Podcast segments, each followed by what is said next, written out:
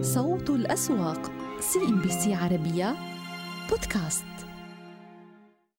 إذا مشاهدينا إلى إغلاقات الأسواق الإماراتية كيف أتمت جلسة هذا الأربعاء؟ ولدينا طبعا كان سلوك واضح على سهم الاتحاد العقاري في جلسة الأمس في سوق دبي. اليوم دبي يواصل رحلة الصعود بأربع عشر نقطة المئوية. يسترد جزء من تراجعات الأمس وإلى 3156 نقطة. العاصمة الإماراتية أبو ظبي يكسر 8400 نقطة التي أغلق عليها في تداولات الأمس ويتداول بتراجع مدى 10 النقطة المئوية عند الإغلاق. ماذا عن المؤشرات تفصيلا؟ ولدينا النشاط في دبي. الاتحاد العقارية ينقلب نحو جني الأرباح ورصيد من تداولات كبير حدود 410 ملايين سهم مع ميل إلى تراجع في القيمة السوقية. سهم شركة سوق دبي المالي 103 ملايين مع ميل إلى ارتفاع أملاك. أيضا لدينا الاستمرار السوق في دفع السهم نحو النشاط. بالأمس كانت جلسة من جني الأرباح اليوم واصلة والعودة على أملاك بالارتفاع. ديار أيضا يعود إلى نشاط مصاحب الارتفاعات. إعمار ما دون الخمس دراهم ولكن اليوم يرتفع ويحقق نشاط لدينا يغلق على الأربع دراهم 86 فلس. ماذا عن أكبر رابحين؟ أملاك 9.6% شركة سوق دبي المالي تكافل الإمارات الإمارات المرتبات وديار جميعه على أرباح. والخسائر طالت لدينا. دبي الوطني للتأمين 10 في المئة. ولدينا السلام القابضة السودان السلام صناعات وتبريد على خسائر. في العاصمة أبو ظبي والنشاط تركز عدال العقارية مع ميل إلى ارتفاع على السهم اليوم 75 مليون و800 ألف بعد أن أعلنت بالشركة بالأمس بأنها حصلت على الموافقة من هيئة الأوراق المالية المصرية لإتمام عملية استحواذها على 90% من سودك المصرية. أشراق الاستثمار 30 مليون وربع مليون. بنك أبو ظبي الأول على نشاط منازل عقارية وأدنوك للتوزيع أيضا في قائمة النشاط. ماذا عن أكبر الرابحين لدينا؟ مخازن زي بحدود 6% من الارتفاعات. الخليج الطبية 5% سوداتيل 1% لدينا ناشونال كورب بيلدينج أيضا سجل لدينا ارتفاعات وبنك أبو ظبي الإسلامي ب 2.7% أما أكبر الخاسرين لدينا شارقة للتأمين إيزي ليس وأبو ظبي الوطنية الفنادق. رأس الخيمة الإسمنت الأبيض وإسمنت الخليج كانت على خسائر. في آخر الأخبار ذكرت مجموعة ستاليونز الإمارات المدرجة في سوق أبو ظبي الأوراق المالية والتابعة للشركة العالمية القابضة عن استحواذها على حصة 70% في WFC القابضة وهي الشركة المتخصصة في قطاع الخدمات المدعومة بحلول التكنولوجيا وتحليلات البيانات والمتخصصة في مجالي الاستعانة بمصادر خارجية للعمليات التجارية والقوى العاملة. وتسعى مجموعة ستاليونز الإمارات من خلال هذه الصفقة إلى تنويع استثماراتها في مجالات جديدة بما يتماشى مع أعمالها الرئيسة في مجالات الهندسة والبناء والتطوير وإدارة العقارات والخدمات. مجموعة ESG الإماراتية سجلت لدينا مكاسب بنقطة وربع النقطة المئوية. ردا منها على ما تم تداوله في وسائل الإعلام بشأن استهداف طرح شركتين من شركات التابعة للاكتتاب العام في سوق دبي المالي. أكدت شركة شعاع كابيتال الإماراتية بأنها تجري محادثات مع أسواق متعددة بهدف إدراج إحدى شركات التابعة وأكثر عبر طرح عام لافتة إلى أن الأمر لا يزال في مراحل مبكرة للغاية شعاع يعني منذ الإعلان عن هذا الخبر سجل ارتفاعات ثم عاد جلسة هذا اليوم وتراجع بشكل محدود. ذكرت وكالة أو مؤسسة موديز للتصنيف الائتماني أن خصخصة هيئة كهرباء ومياه دبي قد يكون لها تأثير ائتماني سلبي موضحة بأن هنالك مخاطر في أن تصبح السياسات المالية للهيئة أكثر جرأة نتيجة لتلك الخطوة وأن الأمر قد يؤدي إلى تدهور مقاييس الائتمان الخاصة بها والتي ترى المؤسسة بأنها قوية للغاية حاليا. وكانت حكومة دبي قد ذكرت في وقت سابق هذا الشهر بأنها تعتزم طرح أسهم هيئة كهرباء ومياه دبي في البورصة بين عشر شركات مدعومة من الدولة. سيجري إدراجها كجزء من خطط لتعزيز النشاط في البورصة المحلية. نتابع معكم مشاهدينا ماذا حدث على سهم بنك الإمارات دبي الوطني الأثقل في موجوداته، طبعا البنك يشكل رصيد كبير جدا من وزن السوق لدينا في دبي. ونعلم جيدا إنه التحرك على بنك الإمارات دبي الوطني يؤثر كثيرا على حركة المؤشر وخاصة بوزن 20%. البنك له استثمارات متعددة وخاصة في تركيا. ومنذ أن بدأت الليرة التركية بالتراجع يبدو أن تأثر أعمال البنك في تركيا سيأتي بالتراجع. في وقت سابق كان البنك دائما يشير إلى طبعا تأثر أعماله مع سعر صرف الليرة التركية. وهنالك شكل من التحوط مقابل هذا النوع من التراجع. في يوليو عام 2019 بنك الإمارات دبي الوطني استحوذ على 99.85% من بنك دينيز التركي. بنك دينيز التركي يشكل من مجمل إيرادات البنك 28 في المئة. هذا عندما نتحدث عن التسعة أشهر الأولى من هذا العام. ال 28% جاءت بحدود 4 مليارات و900 مليون درهم.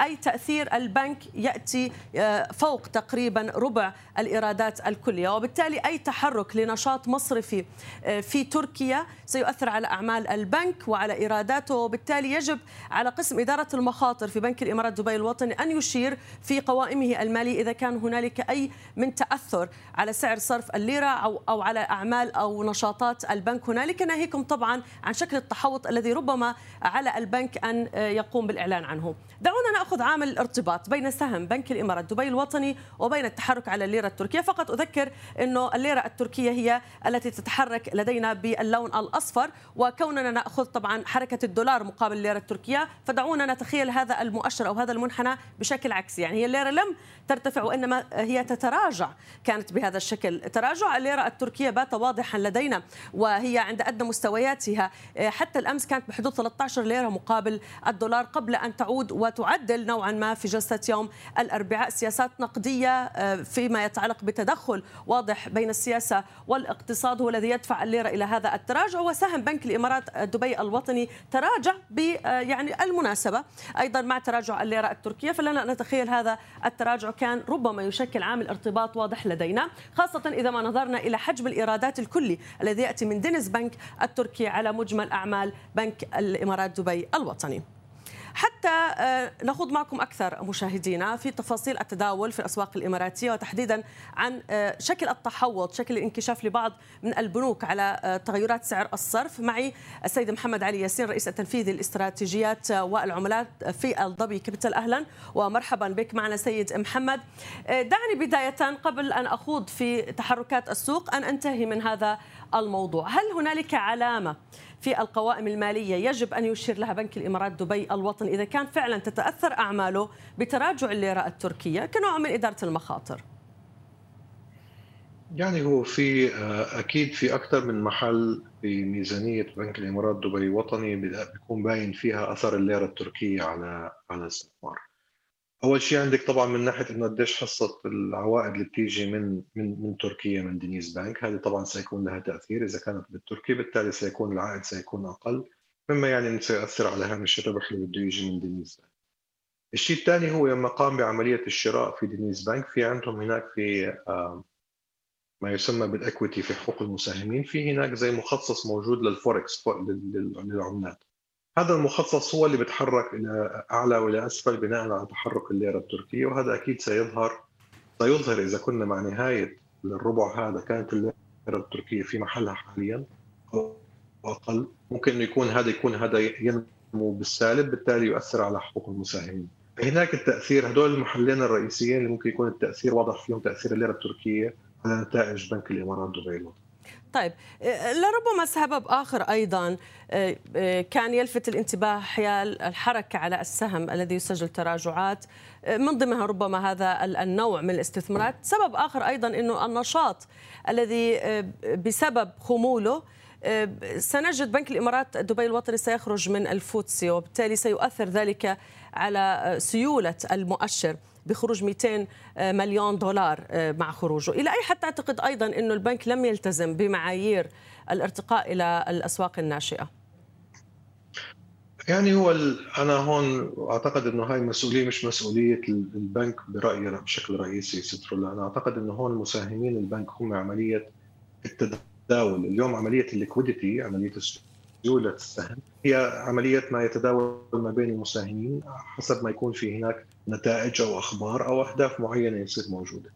الشيء المهم النقطة اللي أعتقد التغير تبع وجود ال market maker صانع السوق الآن في سوق دبي وهذا من ضمن الخطوات التي اعلنتها الحكومة مع بداية شهر نوفمبر هذه سيكون لها دور إيجابي في خلق سيولة على هذا السهم. لذلك أنا أعتقد انه ربما إذا كان هناك هذا قرار سيتم تأجيله من قبل الفوتسي أو ال MSCI في انتظار نتائج وجود ال market maker على هذا السهم لأنه اليوم هذا السهم له دور كبير كما تحدثتي في تقريرك في مؤشر سوق دبي وله قاعدة مساهمين جيدة. ولكن وربما ربما نسمع أنه يقوم بعملية ربما تخفيض حصته أو توفير أكثر من الفري فلوت آه ربما في صفقات قادمة. فأنا مش نعم. قلقان كثير من الموضوع هذا حاليا. طيب خلينا نتكلم عن هذا التوقيت سيدي محمد والإعلان عن إجراءات جديدة طروحات قادمة شركات حكومية وشبه حكومية على الأقل عشرة منها والمنطقة شهدت إدراجات كثيرة عندك في السعودية سواء نتحدث عن أسهم قطاع الطاقة أو حتى هنا في الإمارات.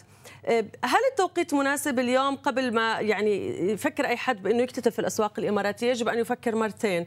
إذا كانت القيمة العادلة أه، حقيقية إذا كان السهم ممكن يشهد تراجع في يوم إدراجه. مع هذا التوقيت.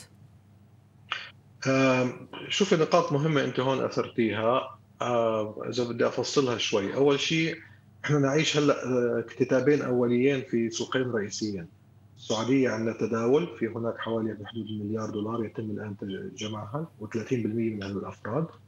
وفي عندنا اكتتاب في في أبو ظبي اسمه مالتيبلاي IPO بحدود 3 مليار درهم أيضا الآن ومعروض على الأفراد. فبالتالي في عندنا اليوم عملية زخم عم بتصير وعملية آه، إصدارات عم بتكون نشطة في هدول السوقين بشكل رئيسي في إقبال جيد عليهم. عم بيكون التقييم آه، جيد. عم بيكون في شركات زي ادنوك اللي نزلت مثلا ياسات الريع عم بيكون جيد بالتالي في تشجيع للمستثمر طويل الأجل. وشفنا كل الأسهم هاي نزلت سواء ياسات أو ادنوك دريلينج أو ادنوك فيرتيجلوب. الثلاثة كان في عندنا ارتفاع بأسعار هاي الأسهم بعد الإصدار. وبالسعودية طبعا عم بنشوف الارتفاع 30 و50% نعم. نيجي هلأ للنقطة الثانية تحدثت عنها اللي هم العشرة القادمين في سوق دبي المالي من ضمن خطوات الحكومة. أعتقد إنه زي ما بيقولوا بالعامه المية تكذب الغطاس زي ما بيقولوا. إنه بدنا نشوف هلأ يجي أول إصدار اذا كان هو حيكون دي والكل ينظر إليه بإيجابية. ربما يكون هذا بشهر اثنين أو شهر ثلاثة آه، نعم. القادم. وبالتالي إذا كان هناك في عملية تقييم جيد تركوا هناك لم يتم تقييمه على السعر الأعلى وبالتالي لما يدخل على السوق ما يصير عملية هبوط زي ما صار بالتجارب اللي تحدثت أشرت إلى بعض منها زي إعمار Developments وإعمار Malls ومن ثم نجد في ارتفاع وفي زيادة في الاكتتاب بالتالي أعتقد أنه هذا سيؤدي إلى نجاح في عملية زيادة أو خلق قوة دفع إيجابية حتى في سوق دبي. تمثل ما رأيناه في دبي في أبو ظبي والسعوديه نعم. ولكن هذا يحتاج إلى أن نرى التجربة على أرض الواقع وليس فقط بالحكي طب أنت ما زال يعني فتحت موضوع الأمثال آه، خلينا أدخل معك بمثل. عشمتني بالحلق خرمت أنا وداني. قلت لي في داخلين عندنا اكتتابات وشماني ريحة ملتبلاي يمكن وحكينا ورحنا واجينا وبعدين اختفت الأمور. فيعني ليش اختفت؟ موجودة هيها آه الكتابات موجودة والناس عم تعمل فلوس الحمد لله. آه، سترولا أنت سوق دبي المالي منذ بداية العام. لو تطلع انت المؤشر هلا بقول لك 10 و11% ولكن في اسهم طالعة 150% زي سوق دي إف إم. لو تحدثتي عن أملاك انت في تقريرك طالع له برضه في فوق ال 100 100 100 وشيء 40 150 ففي في في في قصص جيدة وفي قصص للأسف كانت سيئة أو لم تنجح مثل الإمارات دبي الوطني نتيجة للليره التركية وبعض الشركات الأخرى في دبي وجدناها ما تحركت بالشكل كبير ربما دبي إسلامي ربما دو. فبالتالي في تفاوت وهناك في انتقائية. الشيء الأكيد اليوم إنه مستثمر ما يأخذ blanket ما يحط حرام ويقول بدي أشتري كلياته طالع ما في سوق بالعالم بيقدر يكون هيك. الانتقائية ضرورية ولكن أعتقد إحنا لا زلنا برأيي الشخصي إنه من ناحية الماكرو الخطوات الاقتصادية الخارجيه سواء أسعار البترول في مستوياتها الحالية سواء إنه عندنا في استقرار نسبي آه جيوسياسي في عندنا عملية آه, آه، القوة في الزخم في الإصدارات وفي سيولة وفي ثقة بالسوق. ما في إنه هذه تستمر أنا برأيي. ولكن نحتاج لنتائج جيدة طبعا بالربع الرابع تعطينا هذه الدفعة الإيجابية. نعم. اسواق المنطقة أنا رأيي إنه في عندها في عندها لا زال أمامها بعض الوقت وبعض الأرباح الأسواق تستطيع. طيب. تشتري حلق لودانك إن شاء الله. طيب ماشي. حدثت أحداث مهمة جدا وكأنها كانت يعني استشعار إذا لوضع السيولة مش في الأسواق المال وإنما في العالم إذا كان هنالك شهية وثقة للاستثمار معرض دبي للطيران إكسبو 2020 يعني كثير في عندك آه، يعني إشارات بأنه إحنا عدنا. هل بالفعل في ثقة بالتعافي أم لا؟ آه، أنا أعتقد أنه الجواب أكيد أكيد نعم نعم بقوة خاصة دولة الإمارات وخاصة دبي. واضح أنه في عندنا هون عملية عودة الاقتصاد إلى التعافي، عودة الاقتصاد إلى الانفتاح، كلها هذه واضحة عندنا، النجاح في التعامل خلال السنة ونص الماضية مع الكوفيد له أثر إيجابي في رفع مستوى الثقه الناس للاستثمار هون، الخطوات التي أخذتها الحكومة من عملية الجولدن فيزا الإقامات طويلة الأمد لها دور في عملية تنشيط القطاع العقاري. ولكن دائما بنكون خايفين إحنا يكون في عندنا تيجي زي مفاجآت مش شايفينها نعم. اللي بنسمعه اليوم بأوروبا على موضوع كوفيد اللي عم بصير وربما إغلاق في ألمانيا أو النمسا كلها هذه يعني تقلقنا بعض الشيء وإن كان لا لا نتوقع أن نرى تأثيرها اليوم وبكرة ولكن إن شاء الله إنه تضل بعيده عنا. إذا ما صار عندنا مفاجآت زي هاي مش متوقعة أعتقد إنه قوه الدفع إيجابية خلال فترة الشهور القادمة. نعم فيما يتعلق بسيولة السوق في دبي يعني فقط أعطتنا آه، جلستين كانت آه، بمستوى جيد ثم عدنا لنراها بالمتوسطات التي عهدناها دون المليار درهم هل هي مرضية لدبي؟ آه، كان قبل ما يبدأ الإعلان عن الحكومة تعلن عن القرارات كان معدل التداول لآخر ثلاث أشهر يعني شهر 10 وقبلها بحدود ال 44 ل 45 مليون دولار يوميا تداولات سوق دبي. اليوم صرنا نحكي على معدل بحدود ال 120 ل 130 يعني ثلاث مرات الضعف. ولكنه التداول اليومي مش الثلاث أشهر اللي سبقت اليوم بنحكي بحدود ال 200 ل 200 ل 300 مليون دولار. أنا برأيي إنه النط إحنا أربع خمس مرات هذا إنجاز جيد جدا. سنرى انعكاسه على سهم زي سهم DFM مع نهاية الربع. ووجود ال market maker أنا برأيي صانع السوق هو الذي أدى إلى هذا الارتفاع. عشان هيك أنا برجع بقول للنقطة الأولى اللي حكينا فيها. أنا مش قلق من عملية إنه ترتفع السيولة على التداولات على أسهم زي سهم بنك الامارات دبي الوطني بظل وجود صانع سوق نشط يؤكد أو يحافظ على مستويات سيولة معينة على أسهم القيمة. نعم. وأنا أشكرك ضيفي السيد محمد علي ياسين آه، لوقتك طبعا ولهذه الإضافة. شكرا جزيلا لك. شكرا رولا صوت الأسواق CNBC عربية بودكاست. ونتابع معكم مشاهدينا كيف أغلق سوق مسقط للأوراق المالية منتهى تداولات جلسة هذا الأربعاء. مكاسب لدينا بدت واضحة بقرابة نقطة وثلاث عشر النقطة المئوية وارتفع السوق لدينا لأعلى مستوياته في نحو خمسة أشهر. مع هذا الانطلاق الواضح لدينا إلى الأربعة آلاف ومئة نقطة والتي حافظ السوق عليها بعد أن وجد مقاومة واضحة في الأونة الأخيرة للثبات عليه والصمود. النشاط وأين تركز لدينا؟ في سوق مسقط ونتابع أسهم القطاع البنكي سجلت لدينا اليوم دفعة وخاصة بعد الأخبار حول نية للاندماج بين بنك صحار وبنك نزوة. بالنسبة لعمال الاستثمارات والتمويل سجل آه، لدينا نشاط بحدود 8 ملايين سهم. بنك صحار 6 ملايين و600 ألف بنك نزوة 5 ملايين و100 ألف. الريو للتأمين بحدود مليون سهم والنهضة للخدمات بحدود 640 ألف سهم عمل إلى تراجع في القيمة السوقية حول نشاط بنك الصحار وبنك نزوة. آه، طبعا آه، نتحدث عن آه، تقدم بنك صحار العماني بعرض لمجلس إدارة بنك نزوة لدمج البنكين معا على أن يتم الإعلان عن تفاصيل الصفقة في وقت لاحق. تبلغ أصول بنك صحار نحو 4 مليارات ريال عماني وتبلغ أصول بنك نزوة نحو مليار و400 مليون ريال عماني.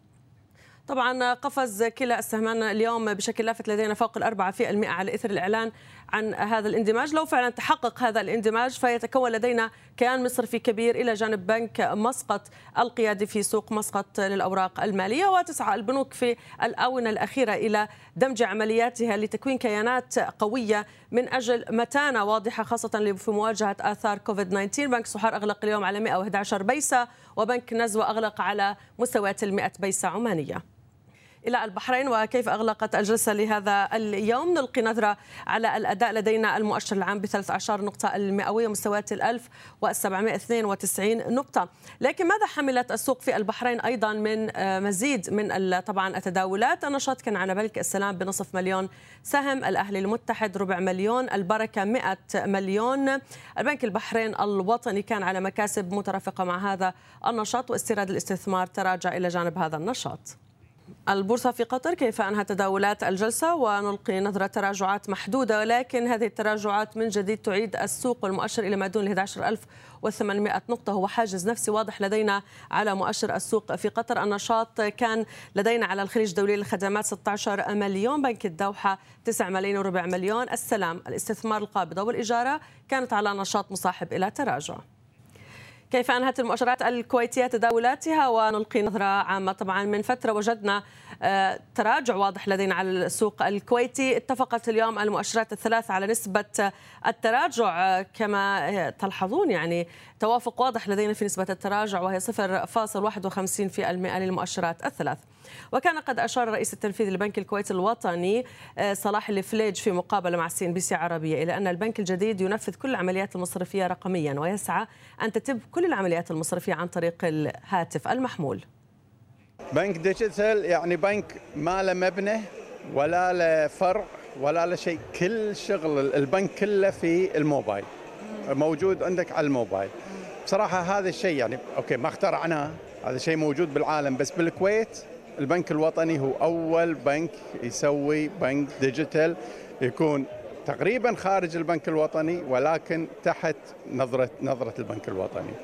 البنك هذا نتيجه يعني ولاد نتيجة آه، شغل جبار من شباب وبنات اللي شباب للشباب اللي اللي فعلا اشتغلوا وعطوا من عمرهم وايام كوفيد وأيام اللي, اللي الناس ما ودها تسوي شيء بس لا اشتغلوا ليل ونهار اشتغلوا بالويكند علشان لأن إحنا كنا قايلين لهم إحنا بنهيئ لكم كل الأمور وأي أي شيء يعني يواجههم أي عقبة تواجههم تعالوا لنا إحنا آه، نوخرها عنكم. صوت الأسواق CNBC عربية بودكاست. أهلا بكم من جديد مشاهدينا إذا ارتدادا للنطاق الأخضر شهدناها بالنسبة للسوق الموازي مع نهاية التداولات واستمر التاسي بمكاسبه حتى نهاية الجلسة وإن خسر مستويات ال 11425 التي كنا اختبرناها في تداولات اليوم. الأكثر نشاطا كانت متمركزة على سهم ذيب لتأجير السيارات. يصعد إلى النشاط ب 10 مليون الإنماء. كذلك استحوذ على 9 مليون سهم كهرباء السعودية. دار الأركان والنايفات للتمويل يعود للتراجعات لمستوى دون ال 35 ريال في ثالث جلسات التداول. عم يستحوذ على 6 مليون و360 ألف سهم مع نهاية هذه الجلسة. الأكثر ربحا كانت من نصيب آه، السوق والارتفاعات لأمانة للتأمين وعناية للتأمين طبعا مع حصولهما على الموافقة لعملية الاندماج فيما بينهما من قبل المركز السعودي. السيج على صعود الصادرات وطوكيو مارين أضاف أكثر من 7.8 النقطة المئوية. التحركات بدأت متراجعة راجعة مع نهاية الجلسة على توزيع الغاز الطبيعي. الصمعاني تشاب أسواق العثيم وهيرفي للأغذية عم يخسر أكثر من 2% وكانت القياديات اليوم داعمة بشكل واضح بالنسبة للسوق. مع عودة الرشح لمستوى 142 ريال أضفنا 3% سابق 120 البنك الأهلي على صعود ليبقى جبل عمر على بعض جني الأرباح وأرامكو السعودية يستعيد مستويات ال 36 ريال مع عودة أسعار النفط لمزيد من المكاسب. ولاحظنا طبعا طبعا بعد الدخول على السيولة اللي كانت على سهم كيان بترو رابغ وكذلك التصنيع مع نهاية الجلسة. طبعا آه، نلقي نظرة أكثر حول هذه الارتفاعات وينضم إلينا دكتور سعود الامطير آه، الكاتب والمستشار الاقتصادي. دكتور سعود أهلا بك معنا. يعني قفزة قاربت الواحد في المئة اختبرنا ال 11420 نقطة في تداولات اليوم. عودة أسعار النفط للصعود باثنين في المئة رغم يعني قيام الولايات المتحدة بالإفراج عن 50 مليون برميل كيف نقرأها؟ وكيف قرأ يقرأها السوق برأيك اليوم؟ بسم الله والحمد لله والصلاة والسلام على رسول الله. مساء الخير لكم وللمشاهدين والمشاهدات. طبعا عندنا موضوعين. موضوع النفط كما تفضلتي ويعني كيف يحقق هذه الارتفاعات يعني بحدود ال 2% مع أن يعني أمريكا كما تفضلتي أعلنت عن إطلاق 50 مليون. أتصور آه، طبعا إن الاحتياطي الاستراتيجي آه، من الصعوبة التفريط به. وإذا فرط به اليوم فلا بد أن يعني يعاد إلى تغذيته من جديد يعني في أقرب وقت ممكن لأنه هو استراتيجي يجب أن يكون دائما موجود. فيبدو السوق فعلا أنها لم يعني يؤثر عليه لأن هذا التهديد كان منذ فترة. فأصبح السوق فعلا يعني آه، لن يؤثر عليها مثل هذا القرار لأن لابد أن يعاد آه، طلب جديد ل آه، يعني تعبئة الاحتياطي أو الاحتياطي الاستراتيجي وربما يكون بسعر أعلى من سعر اليوم. نعم. أما ما تفضلت به من ارتفاع سوق الأسهم السعودي بحدود ال 120 نقطة اليوم طبعا شهد صولات وجولات ارتفاعات وانخفاضات وكان يعني يعني مناسب جدا لعملية المضاربة لأنه أعطى ارتفاعات كبيرة جدا ثم ينخفض ثم ارتفاع ولكن للأسف الإقبال ضعيف والدليل على ذلك إن السيولة يعني مثل هذه الارتفاعات اللي تحصل يعني حول 170 نقطة ثم يعود إلى 40 نقطة ثم يرتفع مرة أخرى ثم ينخفض. هذه المفروض تكون السيولة بحدود 12 مليار ريال لأنها يعني مناسبة مثل هذه التقلبات القوية مناسبة جدا لعملية المضاربة، لكن يبدو أن هناك نوع من العزوف عن السوق وأن الثقة بالسوق ما زالت يعني رغم الارتفاعات أمس واليوم لكنها لم تعد بعد. نعم.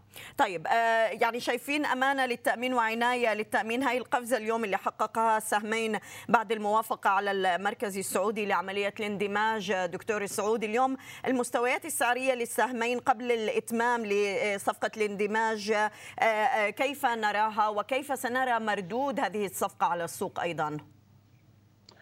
الأصل في الاندماجات أنها تخفض التكاليف وتعطي قوة ومتانة للشركة. وأيضا تستطيع أن تنوع يعني منتجاتها التأمينية. فهي بشكل عام دائما الاندماج في مصلحة السوق ومصلحة القطاع، خاصة القطاع التأمين يحتاج إلى قوة مالية، يحتاج إلى تنويع المنتجات لأن المخاطرة عالية وأحد الطرق لتنويع المخاطر هو أن يكون عندك رأس مال قوي.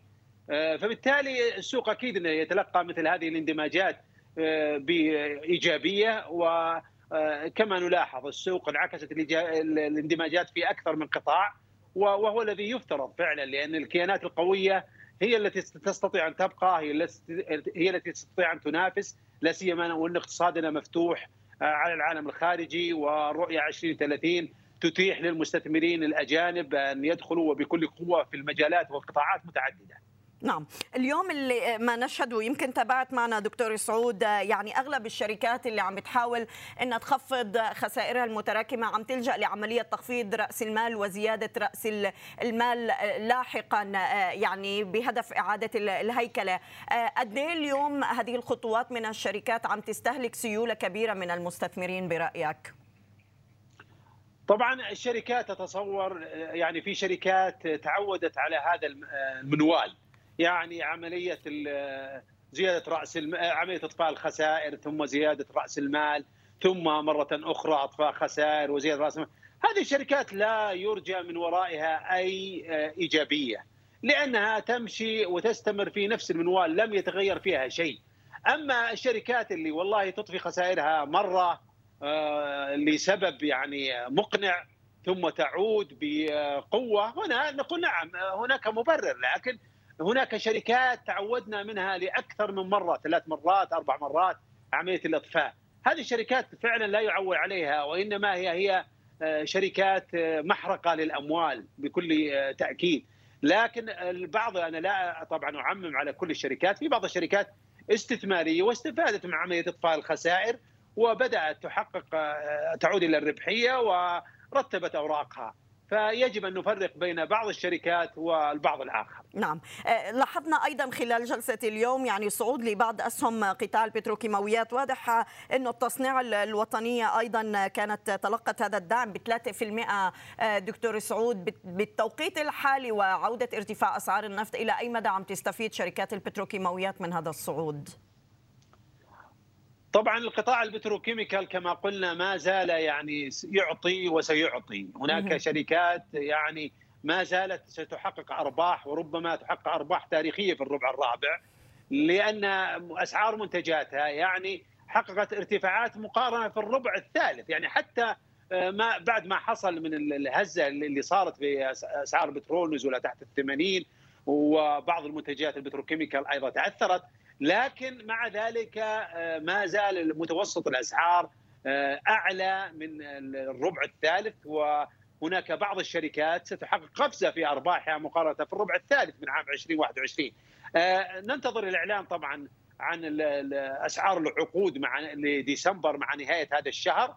يعول عليه كثيرا في عملية التوقعات لنتائج الشركات خصوصا البتروكيميكال لأن كما نعلم مع نهاية شهر نوفمبر بحدود 28 يعني تكون العقود واضحة في لديسمبر وبالتالي تستطيع بيوت الخبرة أن تعطي توقعاتها حول أرباح الشركات للربع الرابع ونهاية عام.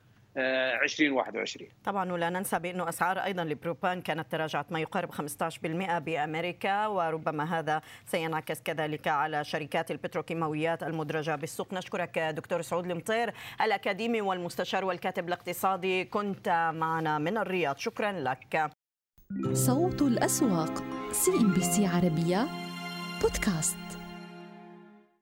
أهلا بكم من جديد. يبقى السوق المصري على تبايناته في الجلسة ما قبل الأخيرة لنهاية هذا الأسبوع. ورأينا ال EGX 50 طبعا يعود لبعض المكاسب الطفيفة 20 نقطة المئوية لكن واجهت القياديات تراجعات ل 11352 و70 كذلك عند 2031 خاسرا 20 نقطة المئوية وتحركات هامشية على ال 100 بأقل من 10 النقطه المئوية. اليوم البنك التجاري الدولي ضمن التحركات على القياديات بقي متراجع دون 52 جنيه. المصرية للاتصالات على خسارة إعمار مصر وعامر جروب 20 نقطة من الارتفاعات إلى جانب النساجون الشرقيون اللي عم بيضيف قرابة 17 النقطة المئوية. التحركات بدت على سودك على استقرار عن 19 30 طبعا مع الموافقة من قبل هيئة الرقابة المالية اللي أعطت دعم بالنسبة للسهم من جلسة يوم أمس. طبعا لإتمام عملية الاستحواذ على 90% من قبل الدار العقارية الإماراتية على حصة 90% في الشركة. مجموعة طلعت مصطفى على بعض التراجع. 7.66 والشرقية للدخان على تحركات هامشية لكن هرمز اليوم كان أيضا داعم ب 7% من الصعود ل 13.87 قرش. وتحركنا طبعا على بعض الأسهم المضاربية على نوع من التباين. تراجعات على العربية لإدارة الأصول. وهناك تحركات على أبو قير للأسمدة والصناعات الذي يستمر بخسارة عشري النقطة المئوية. نتجه طبعا إلى أستاذ عيسى فتحي العضو المنتدب لشركة القاهرة لتداول الأوراق المالية يعطينا تفاصيل أوفى عن تحركات السوق أستاذ عيسى يعني واضح أنه ما زال في عمليات شرائية من قبل الأجانب لكن المؤسسات المصرية هي من تبيع اليوم متى يمكن أن تبدأ عودة الثقة إلى السوق وتبدأ المؤسسات بعودة التمركز داخل السوق المصري برأيك؟ يعني الثقة هو قرار المستثمرين وليس ممكن التنبؤ به بمدى زمني معين.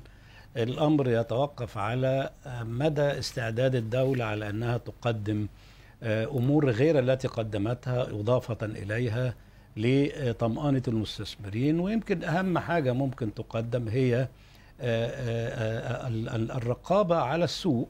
يجب أن تترك السوق لآلياته خاصة أنه في حدود سعرية السوق بيتحرك فيها وبالتالي السوق لا يخالف هذه القواعد بحكم التكنولوجيا وبحكم القرارات نفسها.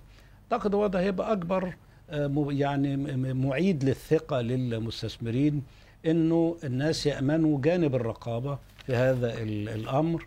وأعتقد إنه في أخبار جيدة في السوق ما حدش واخد باله منها أو لم يسلط عليها الضوء. زي أول أمس كان في مؤتمر يوم مصر الاقتصادي الذي نظمته المجموعة المالية هيربس مع مؤسسات أجنبية وحضره السيد رئيس الوزراء.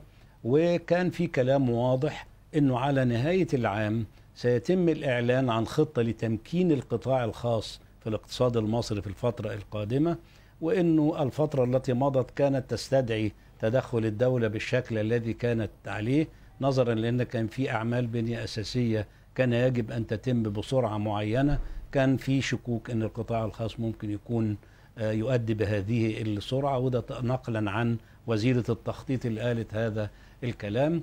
وبدليل إن الدولة بتفكر أيضا في طروحات في الفترة اللي جاية بأرقام ممكن تكون أكبر من التي تمت خلال السنوات الماضية وخلال فترة وجيزة.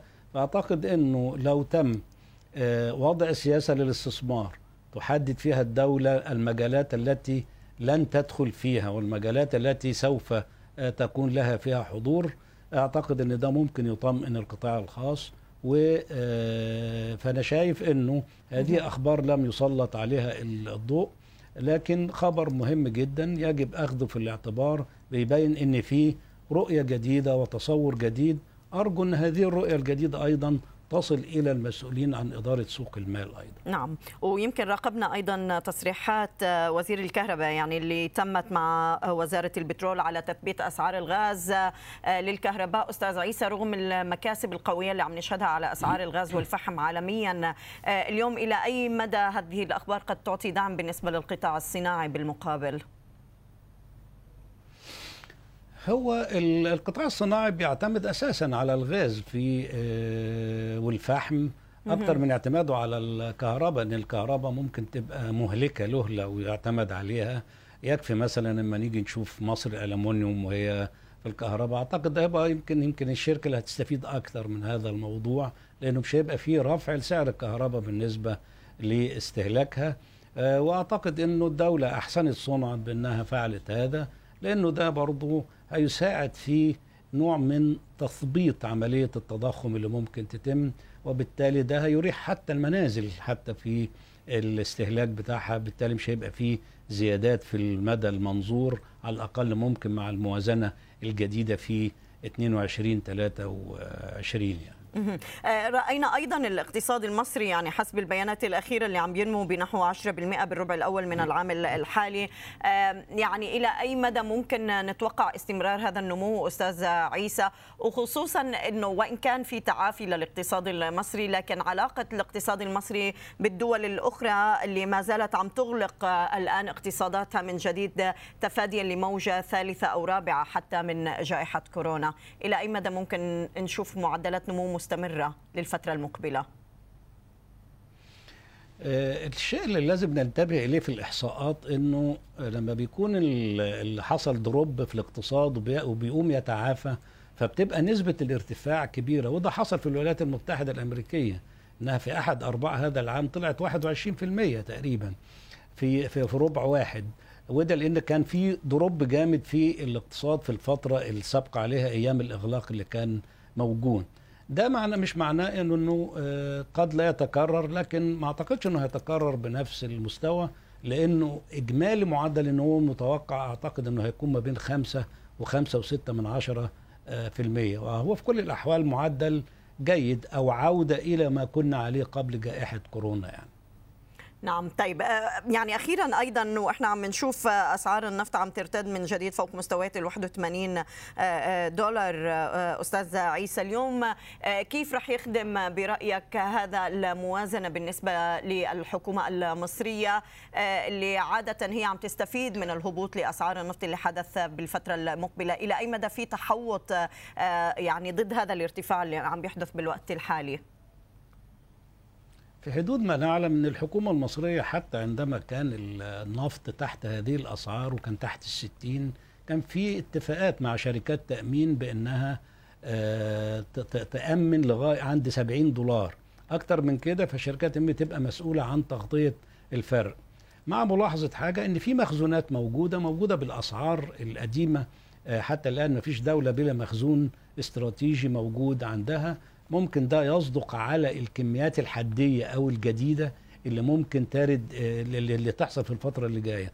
وأنا شايف في ظل السحب من المخزونات اللي بايدن بدأ بيه واللي دعا فيه دول زي الهند والصين وغيرها للدخول في السحب من المخزون لزيادة المعروض ضغطا على أوبك أعتقد أن ممكن هذا المسعى قد ينجح. ممكن يكون في نوع من العناد المؤقت في الوقت الحالي من قبل أوبك لكن أعتقد أنه في الآخر في ظل بقى ظروف جيوسياسية وظروف أخرى هيتم الايه الاستجابة. والسعر ممكن ينزل تحت ال 80 دولار ممكن يبقى 75 أو أسفل منها. الفترة اللي جاية خاصة إن حتى أسعار الغاز دلوقتي بتنزل حاليا تحت ال 5 آه، دولار يعني. نعم. نشكرك أستاذ عيسى فتح العضو المنتدب لشركة القاهرة لتداول الاوراق المالية. كنت معنا من القاهرة. صوت الأسواق CNBC عربية بودكاست.